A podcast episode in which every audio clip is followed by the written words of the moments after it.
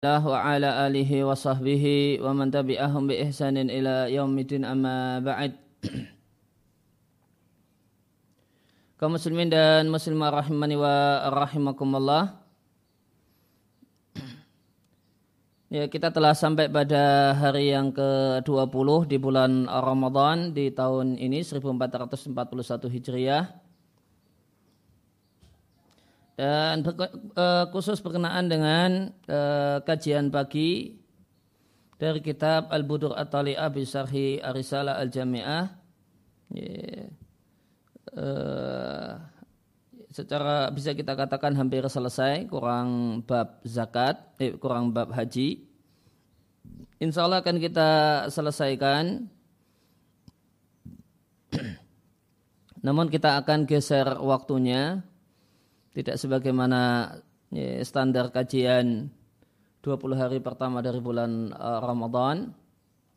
Kita akan geser ke uh, pukul 8 pagi dengan asumsi bahasanya ya, ya, kawan-kawan sekalian pemirsa atau penyimak kajian bisa memanfaatkan malam hari dengan berbagai macam ibadah meskipun tidak iktikaf sehingga mungkin eh, pagi hari itu perlu istirahat terlebih dahulu. Ya, karena malamnya cukup larut kita dianjurkan untuk mempersedikit tidur dan memperbanyak melek dan berjaga. Kemudian eh, jadi sehingga waktu untuk kajian pagi untuk menyelesaikan al-budur atau li'ah kita geser ke pukul 8 pagi insya Allah ta'ala. Sedangkan kajian sore menjelang buka insya Allah akan tetap berjalan sebagaimana waktu biasanya yaitu kurang lebih jam 4 atau jam 4 eh, kurang sedikit. Itu pengumuman berkenaan dengan jadwal kajian kita.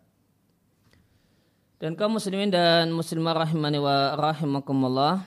Kembali kita lanjutkan bahasan fikih zakat dari kitab Al-Budur At-Taliyah.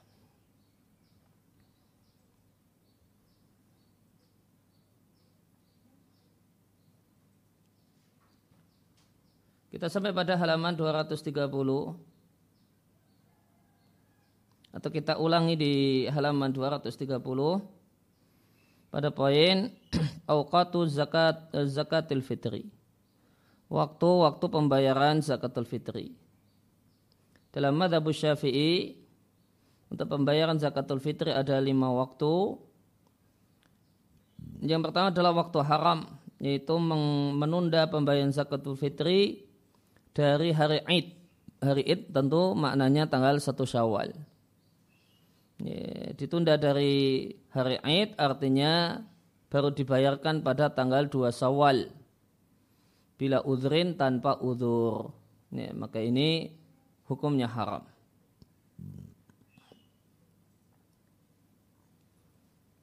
Kemudian yang kedua adalah waktu jawazin, waktu boleh. Wa min awali lailatin min ramadana waktu boleh bayar zakatul fitri itu dari awal malam pertama bulan Ramadan. Jadi malam pertama bulan Ramadan. Itu sudah boleh bayar zakatul fitri. Kemudian waktu wajib yang ini jadi tolak ukur seorang itu terkena kewajiban bayar zakatul fitri ataukah tidak. Siapa yang menjumpai waktu wajib dia ya, berkewajiban bayar zakatul fitri dan siapa yang tidak menjumpai waktu wajib maka dia tidak berkewajiban untuk membayar zakatul fitri.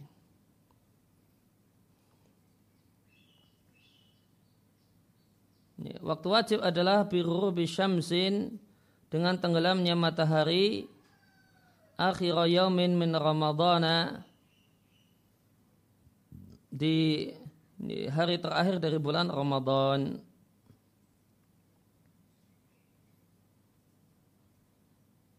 Maka siapa yang menjumpai tenggelamnya matahari di hari puasa yang terakhir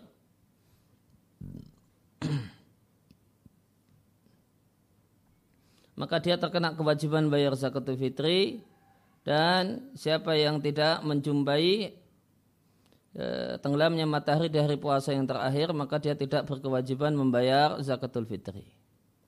Maka orang yang meninggal dunia sebelum tenggelamnya matahari maka dia tidak terkena kewajiban bayar zakatul fitri. Namun jika meninggal dunianya setelah tenggelamnya matahari hari puasa terakhir ada kewajiban bayar zakatul fitri. bayi yang lahir sebelum tenggelamnya matahari sehingga dia ketika matahari tenggelam dia sudah uh, hadir di dunia maka dia wajib dibayarkan zakatul fitrinya. Dan bayi yang lahir setelah tenggelamnya matahari di hari puasa yang terakhir nah ini tidak terkena kewajiban untuk dibayarkan zakatul fitrinya. Kemudian yang keempat adalah waktu fadilah wa ba'da fajri yaumil fitri setelah terbit fajar tanggal 1 Syawal wa qabla salatil Aid sebelum salat Aid dilaksanakan. Yang kelima adalah waktu makruh wa ta'khiruha an salatil Aid ditunda pembayaran zakatul Aid ain setelah salatil Aid salat Aid dilaksanakan.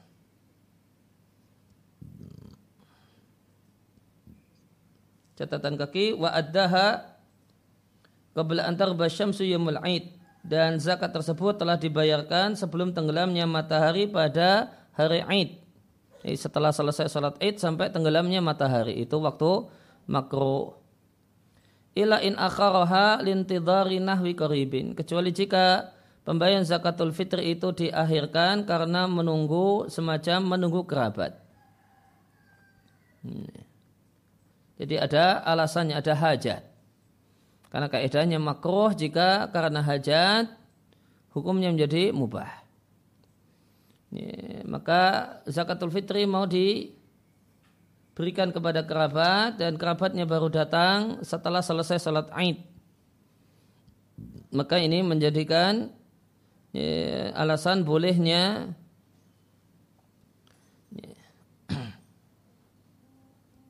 ya, dibolehkannya pengakhiran pembayaran zakatul fitri sampai setelah selesai salat Id. Wahia dan zakatul fitri itu arba atau amdadin empat mut dengan mut Nabi Shallallahu Alaihi Wasallam. Al makna artinya bahasanya kadar zakatul fitri satu sok per kepala dan satu sok itu empat mud dengan mud Nabi Shallallahu Alaihi Wasallam catatan kaki dan satu sok itu setara dengan 2,75 kilogram takriban kurang lebih. Ini kalau mengacu ini maka ya aman 3 kilo berarti karena 2,75. Wa dan disyaratkan ayukana sa'u saliman minal aibi ini bahasanya satu sak bahan makanan yang dibayarkan untuk uh, untuk pembayaran zakatul fitri itu bebas dari aib, bebas dari cacat. Al-munafi yang meniadakan kelayaan untuk disimpan dan dijadikan sebagai bahan makanan pokok. Fala yujzi'u al-ma'ibu. Maka tidak sah jika yang dibayarkan sebagai zakatul fitri itu adalah al-ma'ib cacat punya kekurangan sehingga tidak bisa disimpan dan ya, tidak layak untuk disimpan dan tidak layak untuk dijadikan sebagai makanan pokok. Boleh jadi beras berkutu. Ya, dijadikan sebagai pembayaran zakatul fitri. Nah ini tidak sah. Wala tujzi'u dan tidak sah qimatus sa' manakala pakai uang pakai nilai satu sok ini tidak sah, tidak bisa, tidak cukup dan tidak bisa menggantikan an adai sa'id ta'ami. Ini pembayaran satu sok bahan makanan.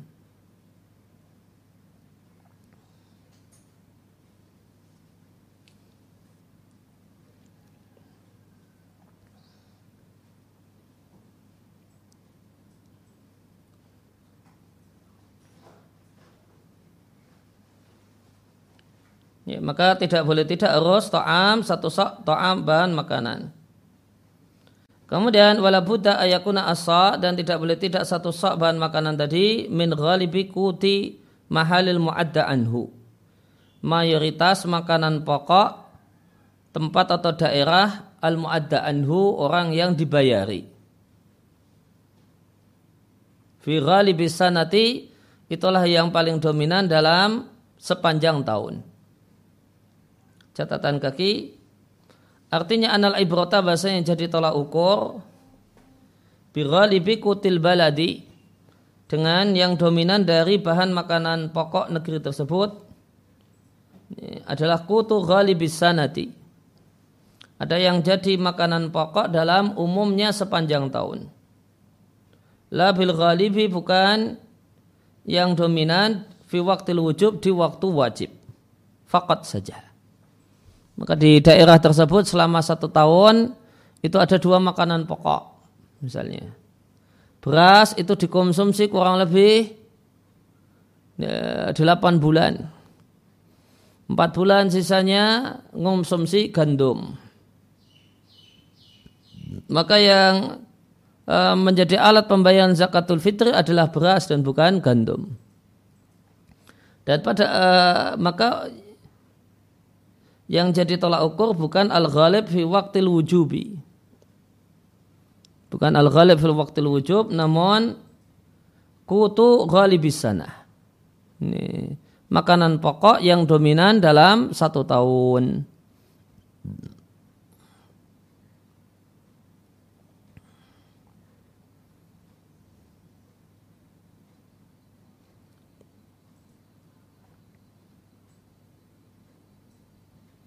Ya bukan yang jadi tolak ukur di waktu wujub. Waktu wujub itu tenggelamnya matahari di hari Ramadan terakhir. Ini tadi waktu wujub. Bukan yang ghalib, bukan yang dominan di waktu wujub.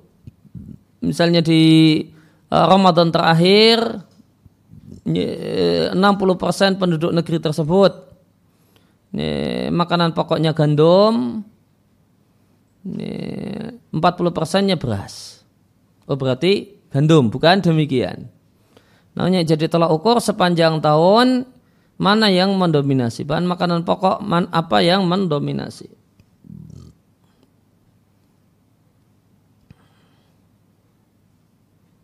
Kemudian wajzu al-a'la fil iktiyat dan mencukupi dan sah al-a'la. Ya, yang yang lebih unggul fil iktiyat untuk dijadikan makanan pokok itu sudah mencukupi anil adna kalau untuk membayar yang lebih rendah. Wala yujzu al adna anil a'la dan yang lebih rendah tidaklah mencukupi dari al-a'la yang lebih unggul.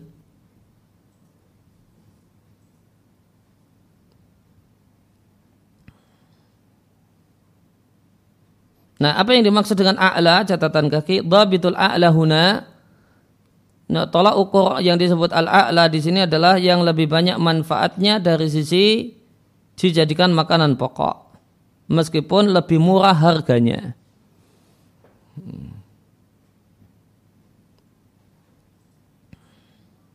Maka yang jadi tolak ukur adalah yang eh, yang lebih besar manfaatnya bukan yang uh, lebih mahal. Namun yang lebih a'la itu tolak ukurnya lebih manfaat. Bukan yang sedikit. Meskipun ternyata itu lebih murah. Contoh kasusnya uh, beberapa hari yang lewat saya menerima pertanyaan dari Riau jadi kalau masyarakat Riau itu masyarakat asli Riau itu berasnya beda dengan masyarakat misalnya orang Jawa yang tinggal di Riau. Nah, beras yang jadi kesukaan eh, saudara-saudara kita asli penduduk Riau itu lebih bukan beras yang lengket, namun beras yang bisa lari-lari itu. Nah, nah. Kemudian sedangkan orang Jawa yang uh, tinggal di Riau karena dia jadi pekerja di perusahaan misalnya itu berasnya ya beras yang lengket. Ini. Sebagaimana beras yang umum dimakan di, di, di Jawa. Nah di Riau itu sendiri beras yang jadi kesukaannya eh, orang Jawa yang tinggal karena jadi pekerja di Riau itu lebih mahal daripada eh, beras eh, kesukaannya penduduk Riau atau kemudian penduduk Riau asli. Ini, tapi ini mau membayar zakatul fitrinya kan mau dibagikan rata-rata eh, pertanyaan ketika itu ditujukan kepada penduduk Rio yang asli. Ini, maka si penanya mengatakan kalau kita berikan beras kita itu tidak termanfaatkan. Hmm. Gimana kalau kita kita belikan beras yang mereka akan makan? Hmm. Tapi kalau standarnya standar kita, oh ini nanti dapatnya lebih banyak gitu. Hmm. saja misalnya ya, beras yang dimakan oleh si penanya ini 15 ribu per kilo. Ya. Nah yang yang jadi kesukaan ya, penduduk Rio itu 10 ribu per kilo. Hmm. Maka di sini kita jumpai bahasanya al-a'la min eh, fil iqtiyat itu tidak mesti artinya yang lebih mahal.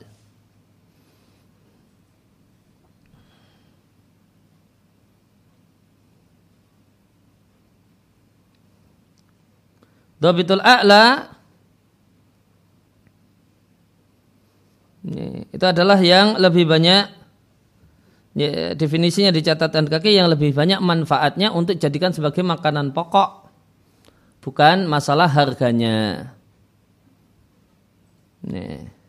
Kemudian ada penjelasan lebih lanjut wal a'la wa a'lal akwati dan makanan pokok yang lebih unggul adalah albur kemudian salat kemudian syair gandum syair kemudian dzurrah jagung nah, baru beras. Nah, di tempat kita uh, realitanya ya, apa uh, rus dulu baru kemudian jagung. Kemudian himas kacang himas kemudian almas kemudian kacang adas kemudian kacang full tamar zabib kismis akid keju ya, laban susu juben juga sejenis keju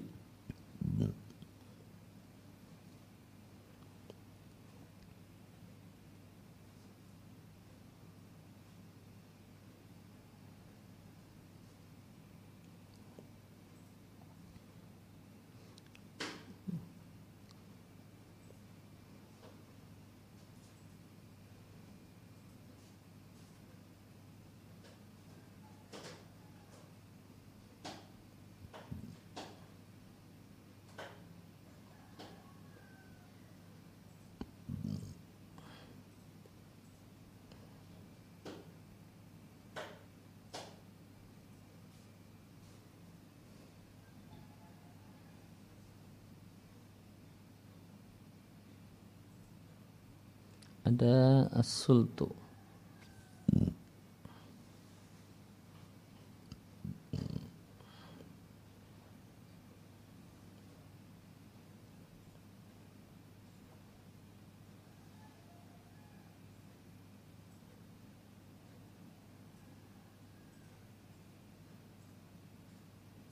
As-sultu darbun nasyair, ya, satu jenis syair. Laisa lahu tidak punya kulit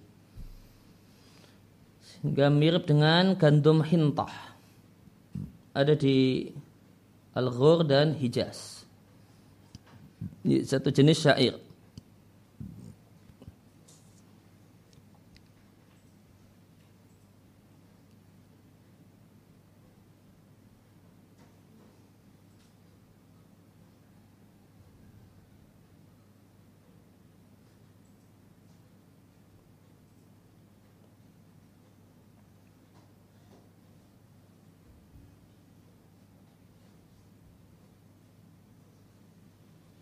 Al-mash satu jenis tumbuhan. Lahu hubab, biji hijau, mudawar, bulat, asghar lebih kecil daripada himas.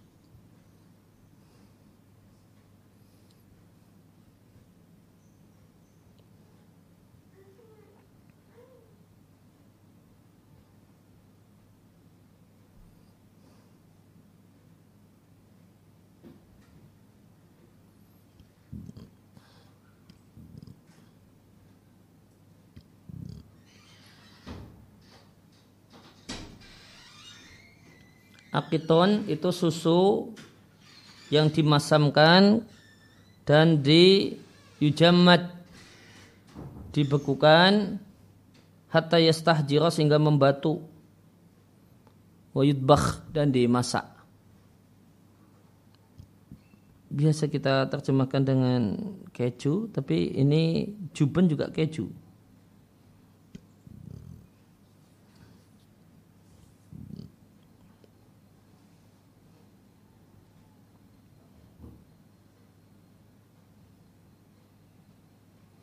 Al-juban majumida minal laban uh, susu yang dibekukan wasuni abi tariqatin khasatin dibuat dengan cara tertentu.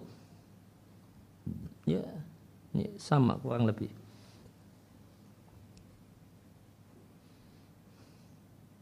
Catatan kaki dua dalam fihadat tartib dalam urutan ini terdapat perselisihan. Faman arada al istizadah maka siapa yang ingin Ya, penjelasan lebih lanjut silakan membaca Hawasi Al-Madaniyah Al-Kubra karya Al-Kurdi. Dalam kitab Husul Karim tentang urutan ini hadawal mu'tamad inilah urutan yang mu'tamad. Wa in qaddama ba'dul mutaakhiri meskipun sebagian ulama belakangan mendahulukan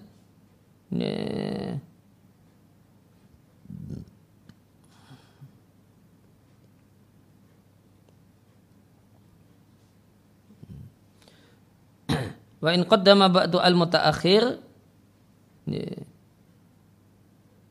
fi tuhfah.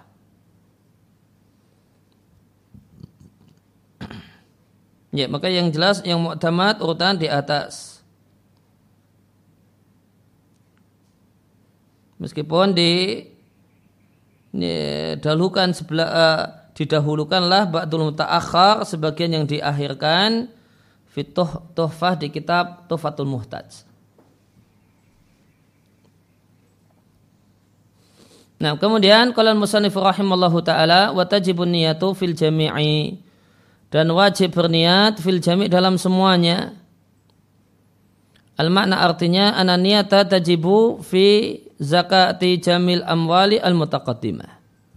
Bahasanya niat itu wajib ya, pada zakat semua harta yang telah disebutkan. Dan tempat niat adalah hati, namun melafalkannya hukumnya dianjurkan. Maka wajib pasang niat dalam zakat semua harta yang telah disebutkan. Catatan kaki yaitu hewan ternak, emas perak, barang perdagangan, rikas, harta tambang, azuru' ya, hasil pertanian, wathimar hasil perkebunan dan zakatul fitri. Maka orang yang membayar zakat pasang niat hadhihi zakatu mali. Ini adalah zakat hartaku. Catatan kaki empat meskipun tanpa penegasan fardu. Karena yang namanya zakat la takuni tidaklah ada kecuali fardhan. Walakinnal afdal niatul fardi ma'aha. Namun yang afdal adalah ditambahkan niat fardu bersamanya. Bersama kata-kata zakat. Atau niat yang terbetik di hati ini adalah sedekah hartaku atau sedekah harta yang wajib dan semacam itu.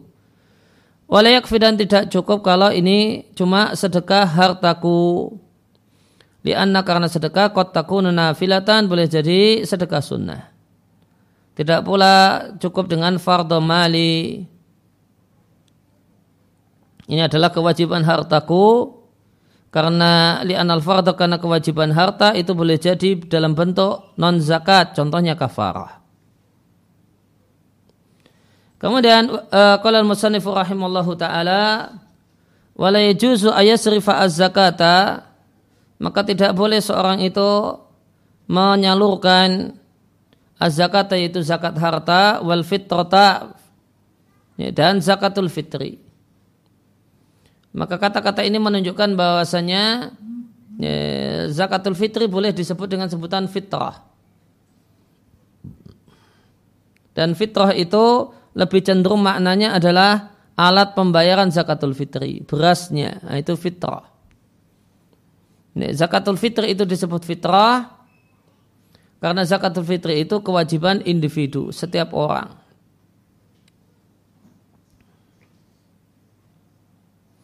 Ya, maka wajib maka tidak boleh disalurkan ila kecuali ila hurin muslimin. Ya, diberikan kepada orang yang merdeka muslim mutasifin bersifat dengan sifat salah satu dari delapan golongan yaitu fakir, miskin dan seterusnya. Wakaunihi dan orang tersebut bukan keturunan Bani Hashim atau Bani Al-Muttalib, bukan pula bekas budak Bani Hashim, Bani Al-Muttalib.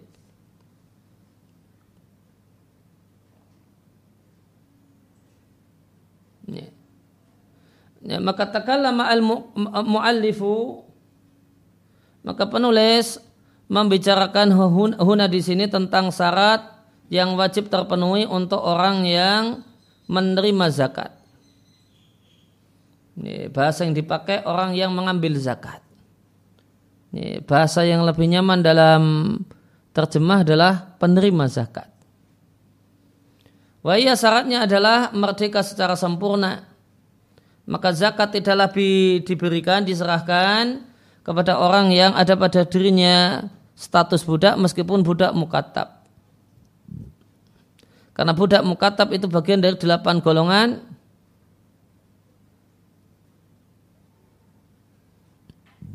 Ya.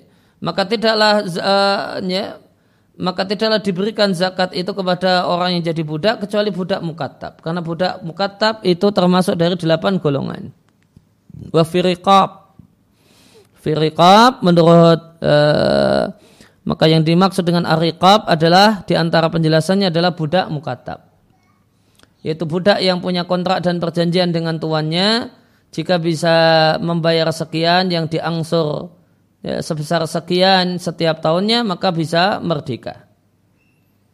Kemudian yang kedua adalah Islam.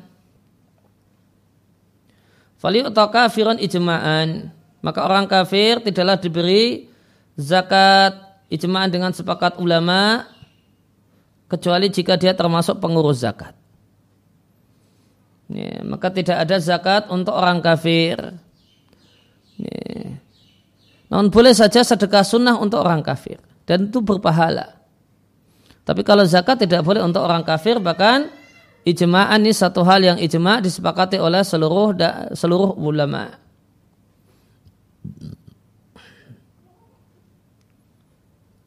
Namun ini bukan berarti kaum muslimin itu pilih-pilih dalam memberikan bantuan kepada orang susah. namun tinggal bentuk bantuan terhadap orang susah itu apa bentuknya? Kalau itu zakat ada aturan mainnya. Yang eh, aturan mainnya itu longgar, luas, eh, sedekah sunnah. Kemudian yang ketiga, yang diberi zakat bukanlah Bani Hashim, bukan pula Bani Al-Muttalib. Mengat sabda Nabi Shallallahu Alaihi Wasallam, Inna hadis sadaqati sedekah ini adalah kotoran manusia dan sesungguhnya sedekah itu tidaklah halal untuk Muhammad, tidak pula keluarganya Muhammad. Dan yang dimaksud dengan keluarga Muhammad adalah Bani Hashim dan Bani Al-Muttalib. Wa oleh kabihima dan digabungkan dengan dua kabilah ini, Bani Hashim dan Bani Muttalib mawalihim, bekas budak mereka. Ingat sabda Nabi Shallallahu Alaihi Wasallam, maula satu suku itu bagian dari suku tersebut. Wal adhar dan pendapat yang lebih kuat, Bani Hashim dan Bani Muttalib tidaklah diberi zakat sama sekali. Yaitu baik dia mendapatkan bagian dari harta rampasan perang ataupun tidak mendapatkan bagian dari harta rampasan perang. Walakin dapat jamun khafirun minal ulama'i. Namun yang menjadi pendapat jumlah yang sangat sejumlah yang sangat banyak dari para kalangan para ulama Bani Hashim dan Bani Muttalib yang miskin boleh mendapatkan zakat. Manakala idza muni'u khumusal khumusi. Ketika mereka tercegah dan tidak mendapatkan bantuan ekonomi dari khumusil khumusi. Seperlima dari seperlima. Ini catatan kaki empat. Artinya wa imuni meskipun mereka muniun mereka tercegah untuk mendapatkan haknya dari seperlima dari seperlima. Itulah bagian kerabat Nabi dari harta rampasan perang dan ronaim rampasan perang. Mengat firman Allah Ta'ala, ketahuilah bahasanya, Anna maghanim tu min semua ghanimah, semua harta rampasan perang, itu untuk Allah, ya, khumusahu seperlimanya, untuk Rasul, untuk dil kurba kerabat, yaitu kerabat Nabi, anak yatim dan orang miskin, serta ibnu sabil. Maka ketika terjadi peperangan antara kaum muslimin dan orang kafir, harta rampasan perang yang ada itu disisihkan seperlima terlebih dahulu. Empat per lima itu yang dibagikan kepada orang-orang yang berjihad, yang ikut uh, perang jihad secara sukarela dan tidak digaji oleh negara. Nah seperlima ini, ini seperlima ini nanti dibagi lima. Seperlima yang disisihkan ini nanti dibagi lima karena tadi disebutkan ya, bahasanya itu adalah untuk ibnu sabil, miskin, anak yatim, kerabat Nabi, Allah dan Rasulnya. Ya, karena seperlima dari harta sampan perang itu nanti dibagi lima. Allah dan Rasulnya, kerabat Nabi, itu Bani Hashim dan Bani Muttalib yang memerlukan bantuan, anak yatim, orang miskin, dan ibnu sabil.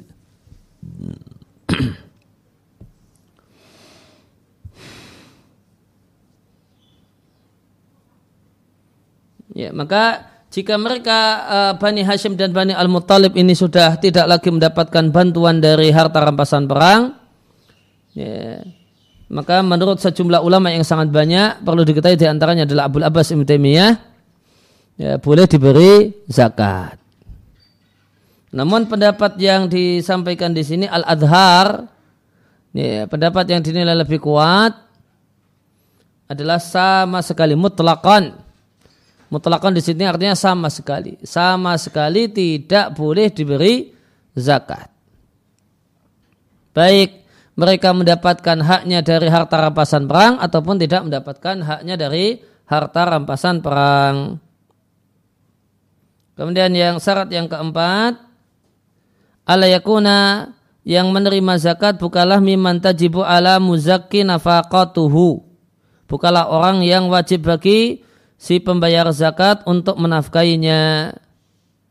Kal far'i awil asli.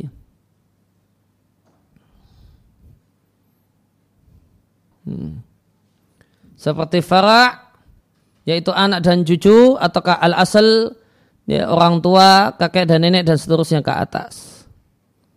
Ya, dan perlu diketahui bahasanya dalam madhab syafi'i kerabat yang wajib dizakati hanyalah al-asal dan al-fara' ke atas dan ke bawah.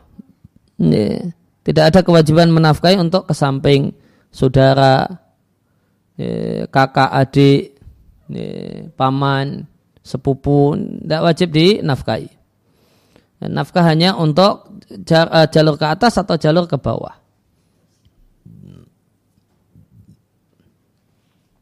Kemudian yang kelima syarat untuk menjadi penerima zakat bersifat atau masuk dalam salah satu dari delapan kategori yang Allah sebutkan di surat uh, atau ayat yang ke-60. Inama sadaqat ya, hanyalah sedekah yaitu zakat itu untuk fakir, miskin, amil dan seterusnya. Wayam mayali delapan kategori itu adalah sebagai berikut.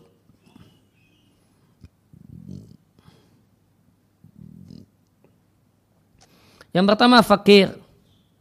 Fakir adalah man la mala yang tidak punya harta wala kasbalahu dan tidak punya pekerjaan aslan sama sekali. Bisa jadi karena cacat misalnya. Cacat belum punya keterampilan.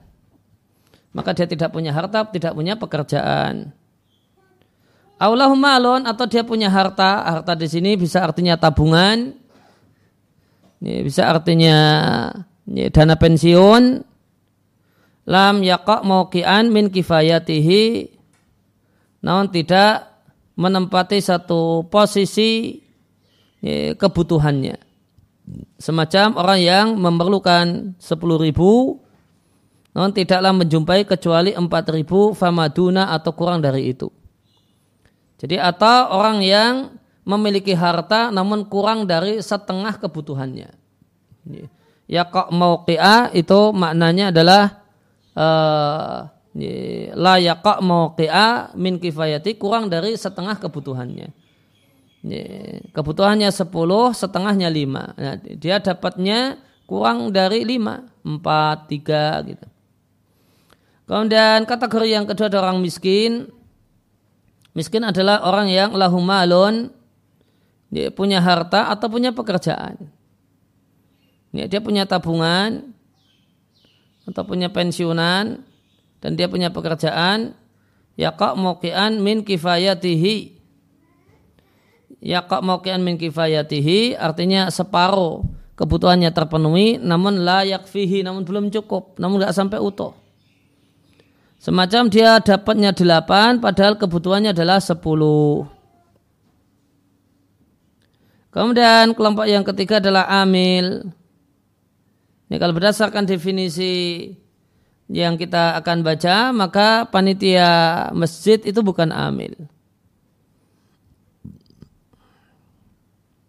Kenapa? Karena definisinya perhatikan manista malah al imamu adalah orang yang diangkat oleh penguasa oleh kepala negara li zakati untuk ya, mengambil zakat walam yuja'allahu ujratun min baitil mal dan dia tidak mendapatkan fee atau gaji dari kas negara.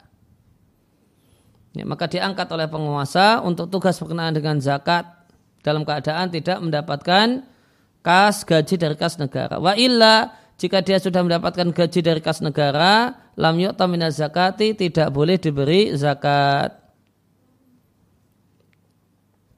Maka kalau definisinya adalah orang yang diangkat oleh penguasa, maka panitia ya itu tidak ya bukanlah amil karena dia mengangkat dirinya sendiri. Dan dia diangkat oleh penguasa li akhli zakat untuk mengambil zakat. Yang boleh jadi diambil ini dengan cara yang keras, bukan dengan cara yang baik-baik. Karena orangnya tidak mau bayar zakat. Ya, maka uh, amil itu mirip sekali kalau di tempat kita seperti ini pegawai pajak. Itu mirip sekali, diangkat, kemudian dia muter-muter untuk uh, ngambil untuk ngambil uh, pajak. Nah, cuma ini untuk ngambil zakat. Maka itu amil. Ya, jika dia sudah dapat gaji dari kas negara, maka tidak diberi dari zakat. Kalau tidak ada, nah, nanti diberi dari uh, harta zakat yang ada, yang bisa dikumpulkan. Catatan kaki, contoh pekerjaannya. Ada amil yang statusnya sa'in. Sa'in itu ya, adalah orang yang sa'i, orang yang bersusah payah atau orang yang berjalan pekerjaan ia jebi sodakat ngambili zakat. Kemudian yang uh, kemudian yang kedua ada katib juru tulis yang mencatat apa saja yang diserahkan oleh arbabul amwal pemilik harta. Kemudian yang ketiga qasimun yuqasimuha alal mustahiqin. Pembagi yang membagikannya kepada orang-orang yang berhak. Yang keempat hasyiran pengumpul, ya jemahum yang mengumpulkan zakat.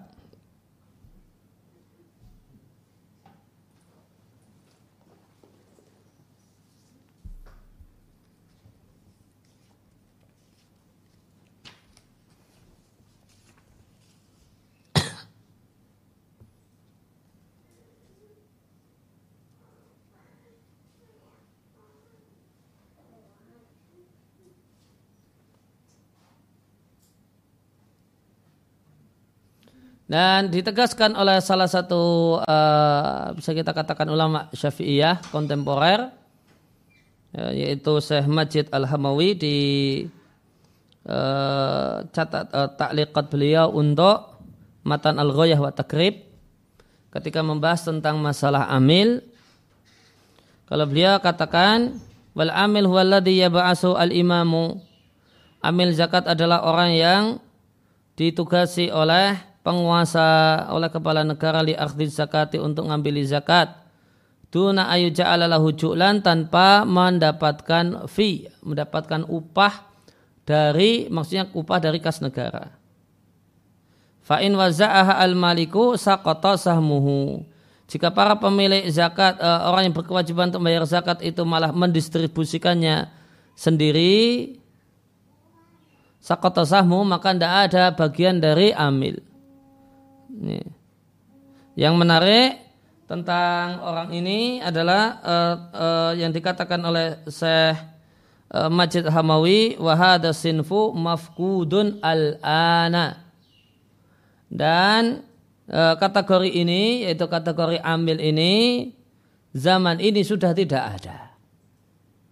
Ini, zaman ini itu tidak ada dan ini yang men, e, yang menyampaikan sama Majid Al Hamawi dan beliau ulama Syafi'iyah kontemporer.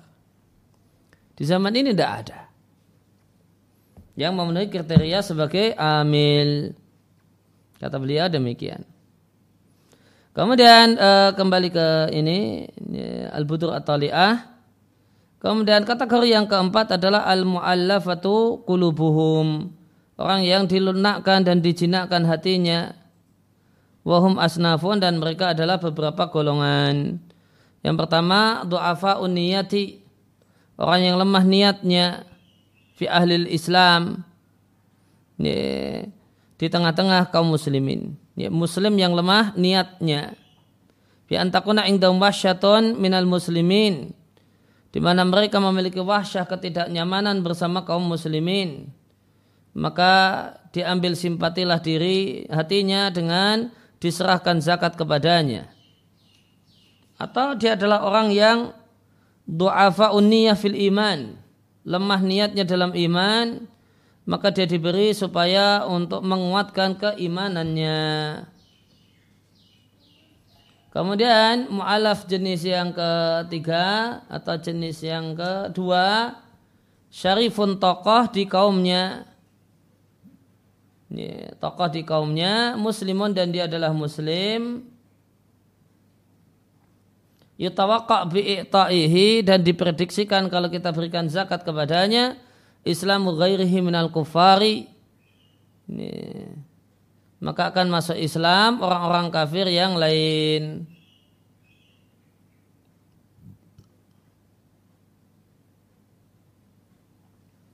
Kemudian yang e, ketiga adalah orang yang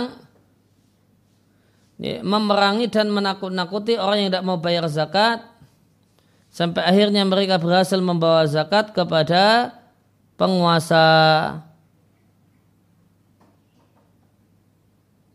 Bisarti al-haja ilahi dengan syarat orang yang mau membantu penguasa supaya zakat itu dibayarkan adalah memang orang yang memerlukan bantuan.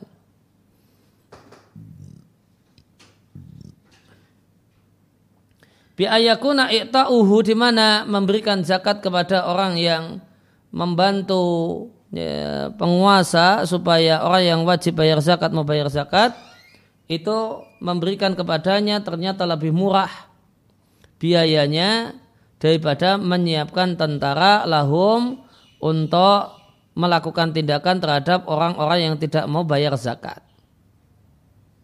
Ya, maka di sini ada di satu ujung negeri kaum muslimin ada satu kampung tidak mau bayar zakat.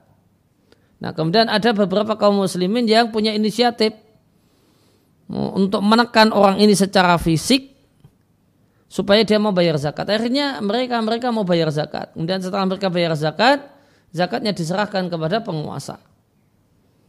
Nah maka orang yang punya inisiatif untuk melakukan ya, press secara fisik kepada orang-orang yang tidak mau bayar zakat, akhirnya mau bayar zakat, ini termasuk mu'alaf.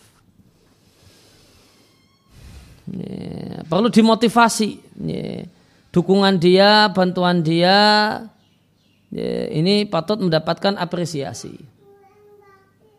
Ya, maka ya, patut untuk mendapatkan apresiasi daripada penguasa daripada kepala negara menyiapkan tentara kebutuhannya lebih besar biayanya lebih besar ya, maka ya, lebih baik uh, memberikan apresiasi terhadap orang yang suka rela untuk bantu ini nah mereka ini statusnya mu'alaf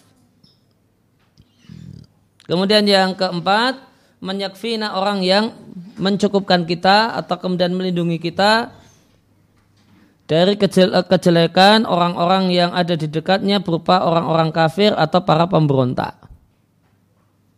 Dengan syarat memang perlu bantuan ya, finansial. Jadi ini sama dengan poin yang sebelumnya. Ya, ada sejumlah kampung uh, kaum muslimin dia di tepi batas dengan negeri kafir. Ya. Nah, karena mereka berada di tepi batas ini, orang kafir yang mau macam-macam mereka, ya, mereka serang. Sehingga sehingga negara tidak perlu uh, tidak perlu menyiapkan tentara untuk menjaga perbatasan karena mereka penduduk di perbatasan itu sudah punya inisiatif sendiri untuk menjaga daerah perbatasan. Nah, maka ini diberi apresiasi. Ya, karena kontribusinya dalam menyelamatkan eh, apa kemudian menjaga kestabilitas negara berada di pinggir daerah perbatasan dan ikut membantu atau kemudian bahkan melakukan aksi untuk menghambat orang-orang kafir yang mau masuk. Nah ini juga tergolong ma'alaf kulubuhum.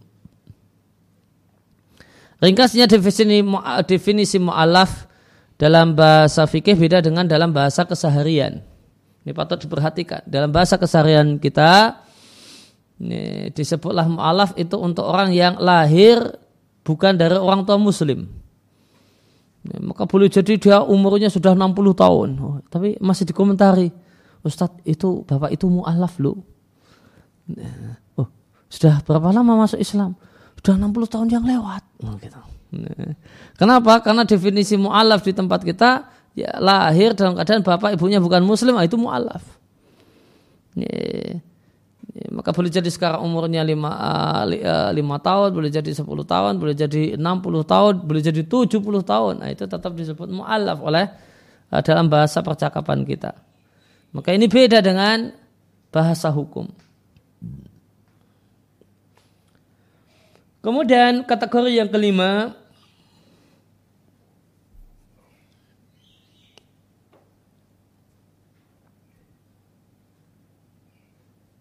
adalah riqab. Um al-mukatabuna mereka adalah budak mukatab kitabatan sahihatan dengan transaksi kitabah yang sah. Budaknya namanya mukatab, kesepakatan antara budak sama pemilik e, budak namanya transaksi kitabah.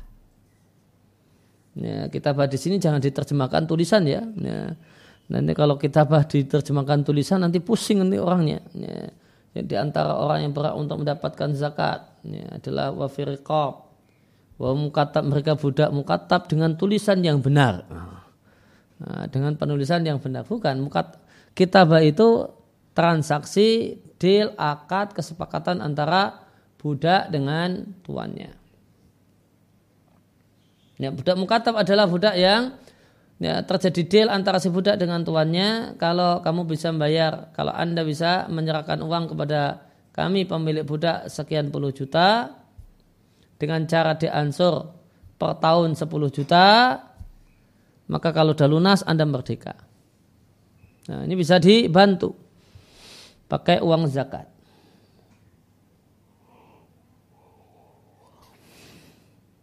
Fayutuna maka mereka diberi mak uang yang bisa membantunya untuk merdeka. Ilam yakun ma'hum wafaun jika dia tidak bisa wafaun membayar. Artinya wa in qadaru meskipun mereka mampu untuk membayar utang transaksi kitabah bil kasbi dengan kerja. Kan yang yang uh, yang jadi tolak ukur yang jelas tidak punya duit cash ilam yakun ma'ahum wafaun. Dia tidak punya wafa, dia tidak punya uang cash untuk membayar kewajibannya. Dia bisa bayar tapi harus kerja.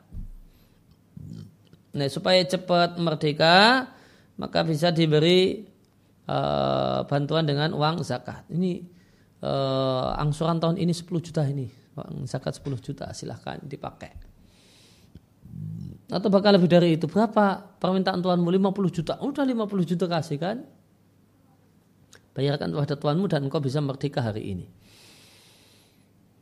Kemudian yang keenam adalah gharim orang yang terlilit utang, ai al-madinu orang yang terlilit utang dan mereka ini ada beberapa macam. Yang macam yang pertama orang yang berutang untuk mencegah kerusuhan ke, ke, keributan di antara mutanazi'aini dua orang kaum muslimin yang ya, ribut dan ya, bertengkar.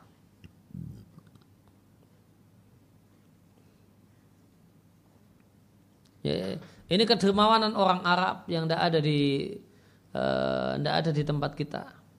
Ya, misalnya ada dua kampung ya, sama-sama Muslim mau perang saudara atau sudah terjadi bentrok fisik. Sebagiannya sudah mati, sebagiannya sudah jadi korban.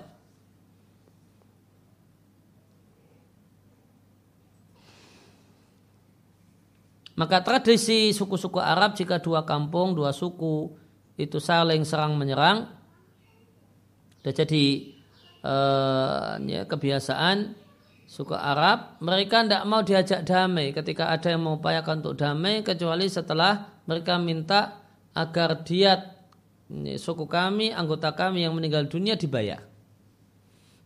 Kalau tidak kami lanjut perang.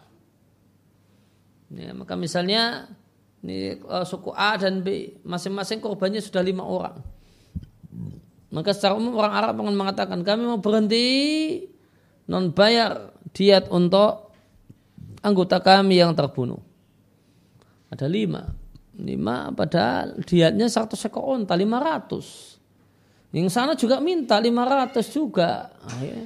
Seribu onta. Kelenger ini yang mau mendamaikan. Ya, maka yang mau mendamaikan ini kepayahan. Akhirnya dia berhutang untuk supaya bisa punya seribu ekor unta. Nah utangnya bisa diganti pakai duit zakat. Ya, fitnah di sini adalah kerusuhan, kekacauan. Kemudian yang kedua adalah orang yang berhutang dalam rangka kira daifin memberikan jamuan untuk daif atau untuk membangun masjid atau untuk membebaskan tawanan atau semacam itu yang merupakan maslahat yang bersifat umum. Maka ada masjid yang mau dibangun dan perlu biaya. Kemudian ada uh, uh, boleh jadi pengembang yang ini di yang garap sekaligus diminta untuk yeah, untuk membantu maka bisa jadi pengembang ini cari utangan untuk supaya atau panitia pembangunan itu cari utangan supaya bisa cepat berdiri masjidnya. Sampai punya hutang. Nah hutang hutang semacam ini bisa dibayar pakai duit zakat. Atau untuk kira daifin jamuan untuk tamu Daif itu adalah orang yang memenuhi dua kriteria, datang dari luar daerah, kemudian dia memang sengaja untuk ketemu kita. Ya, boleh jadi daifnya banyak, ya, maka ada kewajiban untuk ngasih jamuan makan, akhirnya berhutang untuk itu. Ya, maka bisa hutang tersebut bisa diganti atau ya dilunasi pakai uang zakat.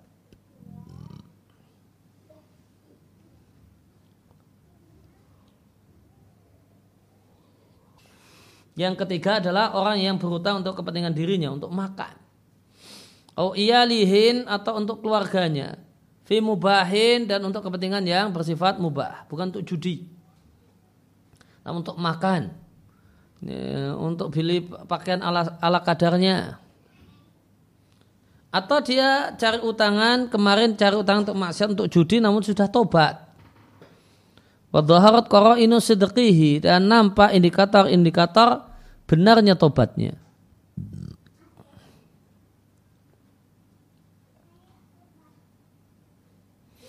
Ini kalau belum kelihatan kalau dia memang serius bertobat, ya, maka berarti tidak uh, tidak berhak untuk mendapatkan bantuan uh, pakai uang zakat. Kemudian yang ketujuh ada visabilillah mereka adalah al-mutatawiun sukarelawan untuk jihad perang. Bi alam yakun lahum sahmun mereka tidak punya bagian yaitu gaji fi diwan murtaziqah minal fai'i. Di buku besar eh, murtazakah orang-orang yang mendapatkan riskin minal fai'i dari harta rampasan perang.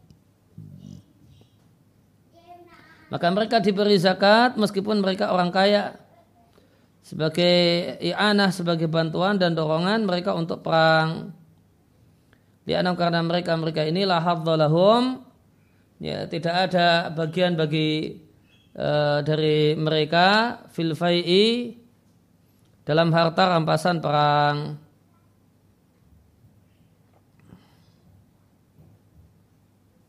Ya, maka ada namanya diwan. Diwan itu buku catatan besar, aslinya buku catatan besar, besar daftar tentara.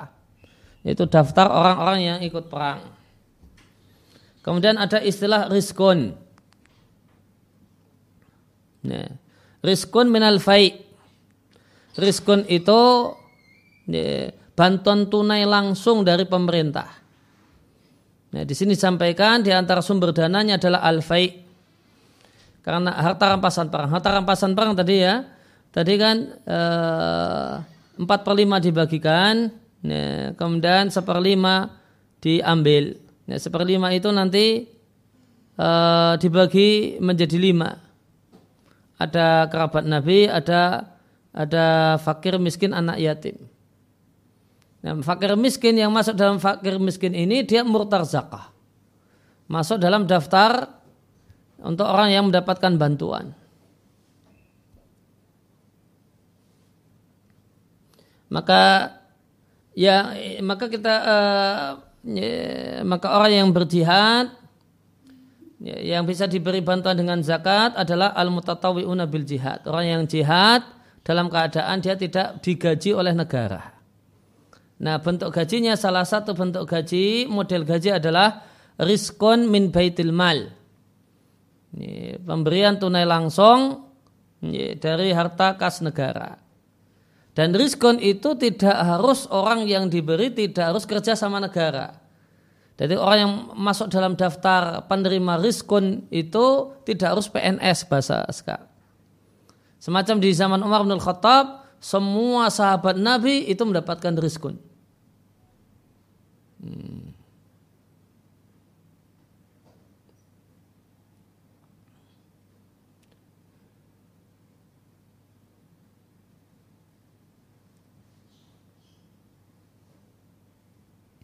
Atau maaf maaf uh, uh, maka pemberian negara itu ada riskon ada atok. Ada riskon ada ataun kalau riskon itu ya lebih tepat ya, gaji karena kerja sama negara itu riskon. Kalau pemberian yang dari negara namun bukan karena status kerja sama negara ya, itu disebut ataun maka di antara orang yang mendapatkan diskon itu ketika negara mengangkat imam-imam masjid. Ya, jadi kerja untuk kepentingan negara, kepentingan masyarakat, eh, maka dia mendapatkan diskon dari Baitul Mal. Ya, intinya orang yang eh, orang yang ikut perang jihad fisabilillah bisa mendapatkan eh, mendapatkan bantuan finansial dari dari zakat itu manakala dia bukanlah tentara profesional. Ya, namun tentara murni sukarelawan.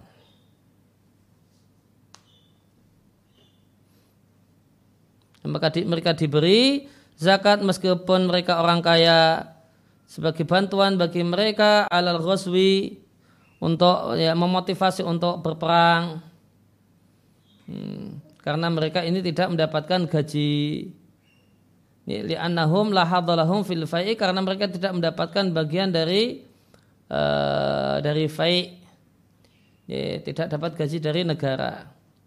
Maka ya, bisa dikasih mereka ini dapat harta rampasan perang jika ada uh, peperangan dan kaum muslimin menang dan ya, atau mereka uh, mendapatkan bantuan dari zakat. Kemudian yang kedelapan ibnu sabil Ibnu di sini wasumya bidzalika li mulazamatihi at-tariqa. Disebut Ibnu Sabil li mulazamati at-tariqa karena senantiasa membersamai jalan. Maka ibn itu salah satu maknanya senantiasa membersamai. Maka terdapat hadis yang bunyinya la yadkhul jannata waladuz zina tidak akan masuk surga anak waladu zina, anak zina. Ini. Kemudian ulama berselisih pendapat untuk menjelaskan hadis ini. Ini, kenapa anak zina ya, tidak masuk surga? Maka salah satu penjelasan untuk waladu zina, waladu zina itu dimaknai sebagaimana ibnu sabil. Jadi anak zina itu bukan anak yang lahir dari zina, namun seperti Ibnu Sabil adalah orang yang senantiasa berzina dan tidak pernah meninggalkan zina. Karena zina telah jadi bagian dari e, menu kehidupannya.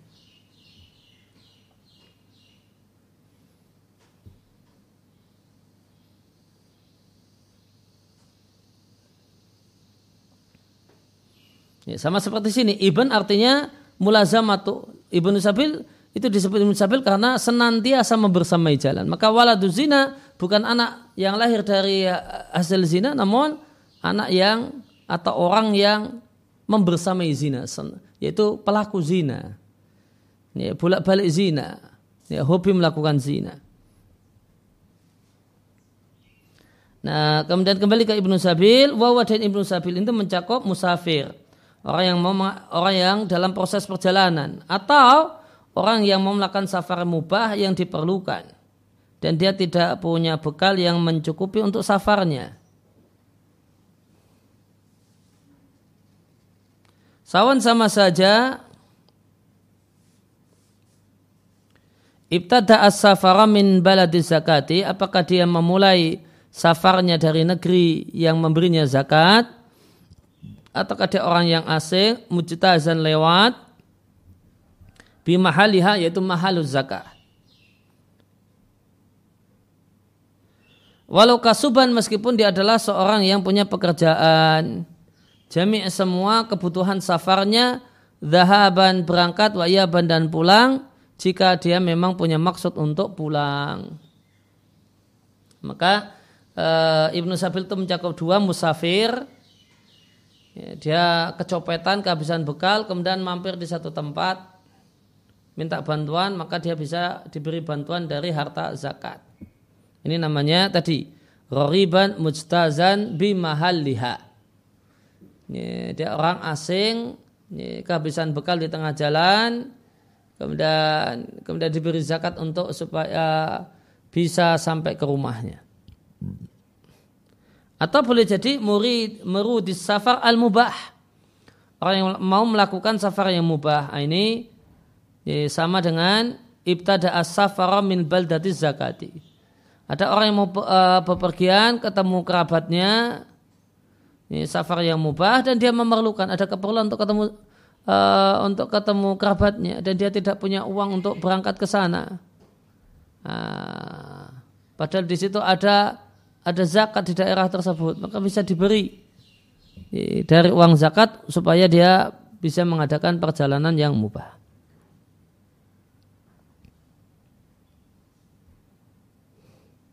Nah, kemudian di antara ciri khas atau kemudian di antara kekhasan fikih Syafi'iyah dalam masalah distribusi zakat wa yajibu isti'abul mawjudina minhum. Wajib isti'ab terhadap yang ada minhum dari delapan golongan. Isti'ab itu keseluruhan. Memberikan kepada maksud isti'ab di sini memberikan pada keseluruhan Jadi kalau di tempat tersebut orang yang berhak untuk mendapatkan zakat ada delapan golongan, ya, maka semua delapan golongan itu ikut mendapatkan pemerataan dari harta zakat. Atau di satu daerah yang berhak untuk menerima zakat itu ada lima. Maka tidak boleh dalam fikih syafi'iyah tidak boleh zakat cuma diberikan pada satu golongan saja. Padahal di situ ada lima golongan. Zakat harus diberikan kepada lima golongan itu lima-limanya.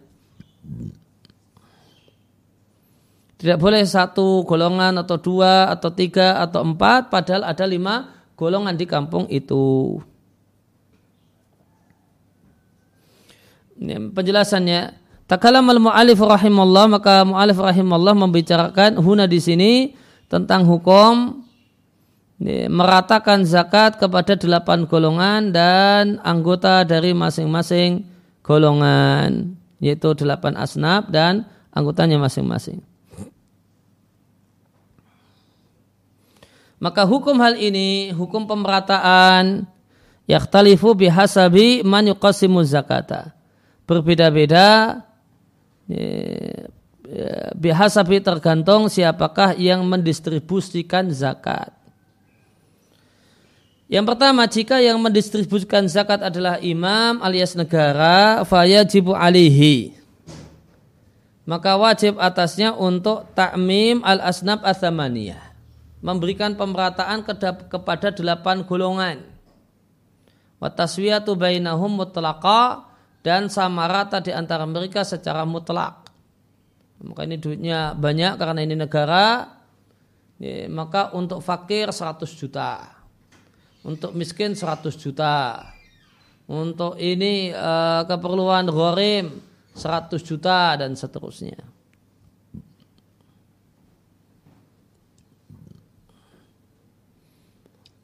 Kemudian kewajiban yang kedua kalau untuk negara takmim pemerataan anggota setiap golongan. Orang miskin ada 100, maka 100 semuanya dibagi. Fakirnya ada 100, 100 lagi. Ya, ghorimnya ada 50, maka dibagi 50. Dan seterusnya.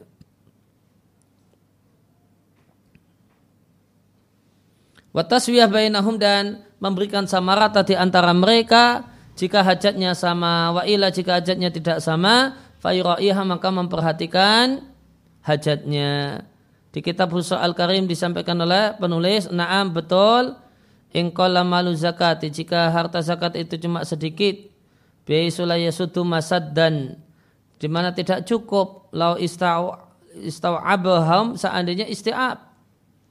Maka tidak wajib istiab. Namun wajib sama rata di antara delapan golongan.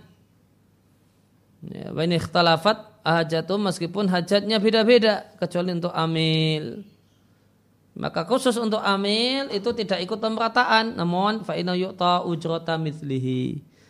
Maka bagian dari amil adalah diberi upah selayaknya. Kalau dia kerjaannya semacam ini ringan, uh, ini wajarnya uh, berapa upahnya, berapa fee-nya. Nah itulah yang di upah dan fee-nya. Kemudian yang kedua, jika yang mendistribusikan zakat adalah pemilik zakat, maka wajib yang pertama pemerataan delapan golongan dan sama rata di antara mereka.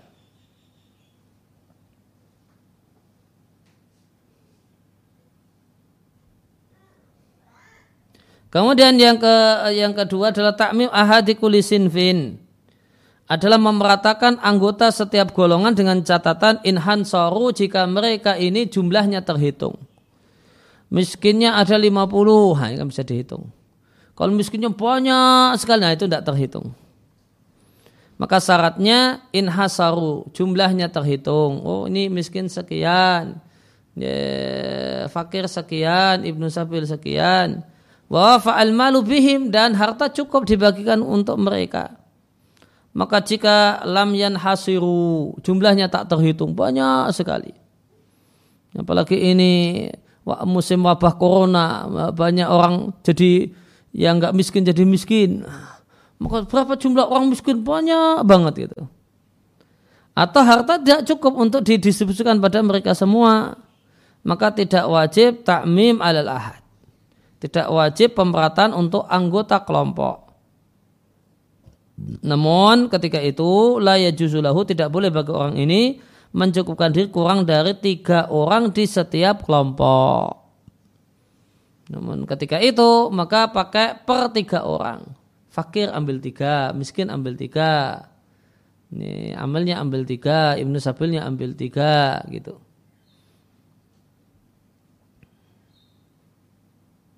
Ya, kenapa kok diambil tiga? Karena redaksi ayatnya itu pakai jamak. Innama sadaqatu lil fuqara wal masakin. Ya. Maka Syafi'iyah e, mengacu pada ayat ini Nama sadaqatu lil fuqara wal masakin maka fakir miskin itu jamak minimal jamak tiga. Dan di situ nama sadaqatu lil fuqara wal masakin pakai wawu.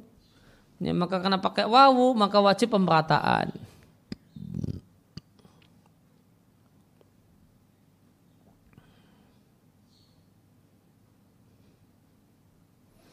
Ya, maka uh, maka tidak boleh kurang dari tiga tiga orang dari setiap kelompok ilal amil kecuali untuk amil.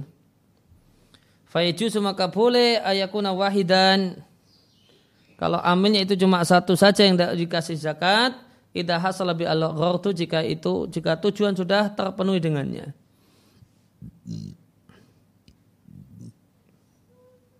Bahkan seandainya para pemilik zakat itu punya itu yang mendistribusikan secara langsung, sakoto sahmul amil maka hilanglah jatahnya amil.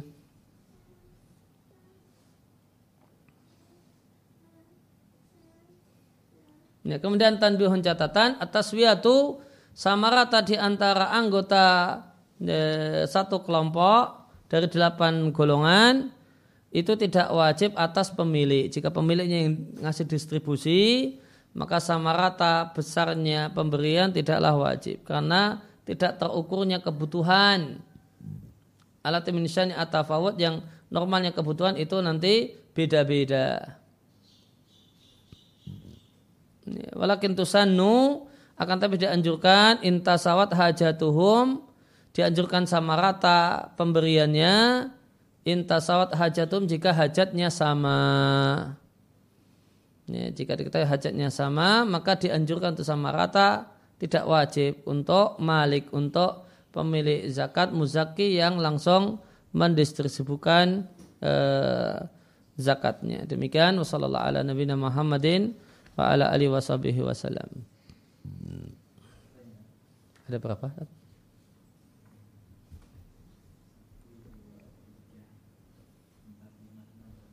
Ya, silahkan.